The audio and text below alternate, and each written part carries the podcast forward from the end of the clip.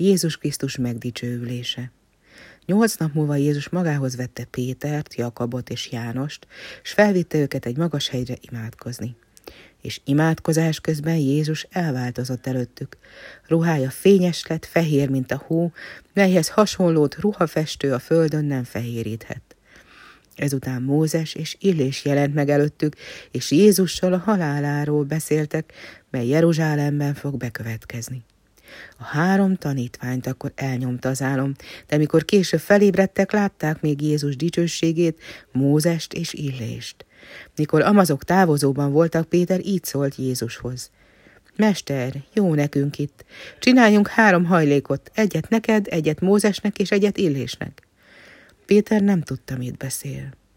Ekkor felhő támadt, árnyékot vetve rájuk, és a két férfi bement a felhőbe, a három tanítvány pedig igen megrémült. És szózat hallatott ekkor a felhőből. Íme az én szeretett fiam, őt hallgassátok. A szózat után pedig egyedül találta Jézust a három tanítvány. És miközben lementek a hegyről, Jézus megparancsolta tanítványainak, hogy senkinek sem mondják el, amit láttak, csak amikor az emberfia halálból feltámad.